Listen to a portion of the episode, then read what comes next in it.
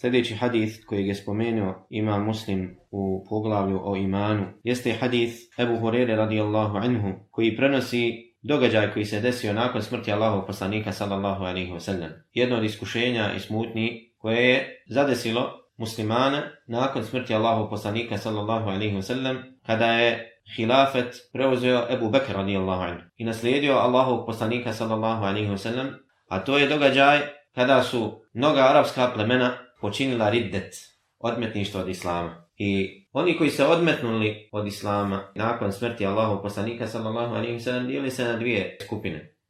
Oni koji su ostavili islam u potpunosti i vratili se idolopoklonstvu, vratili se širku. Dakle, oni koji su prihvatili islam prije smrti Allahu poslanika sallallahu alaihi ve sallam i nakon što je preselio Allahu poslanik, oni su vratili se u nevjerstvo i širk.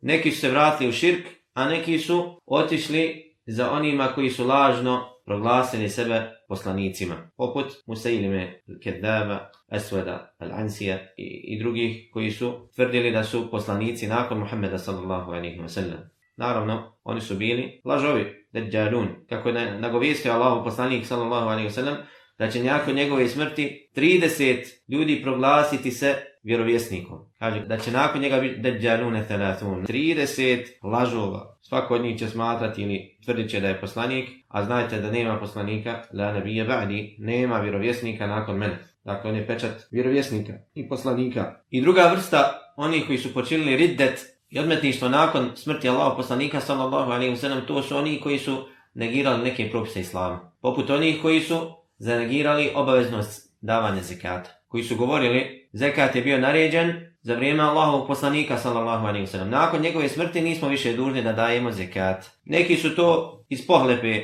i strasti tvrdili, a neki su imali pogrešno razumijevanje ajeta. Jer Allah subhanahu wa ta'ala naređuje poslaniku Hud min amwalihim sadaqatan tutahhiruhum wa tuzakkihim biha. Kaže uzmi iz njihovih imetaka sadaku zekat kojim ćeš ih očistiti. Wasalli alaihim inna salataka sakanun lahum. Dovi za njih, moli Allaha za njih, zaista tvoja dova je smiraj za njih. To je za njih smiraj.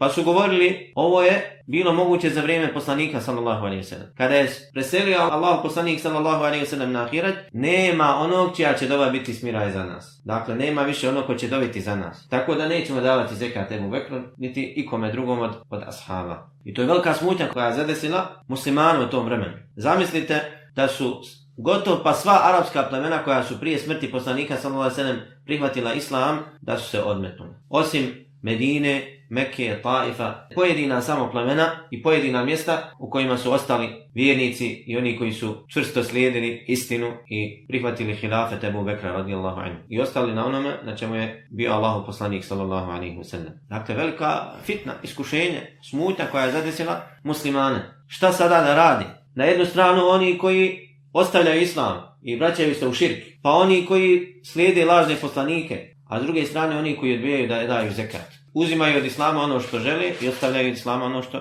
žele. Dakle, ovi koji su odbili da daju zekat, oni su i dalje klanali. Oni su svjedočili da nema drugog Boga mimo Allaha i da je Muhammed, Allahov poslanik, alaihi salatu wasalam. Nisu zanegirali islam, ali su odbili da daju zekat. Kažu zekat nije obavezan, to je bilo obavezno za vrijeme poslanika.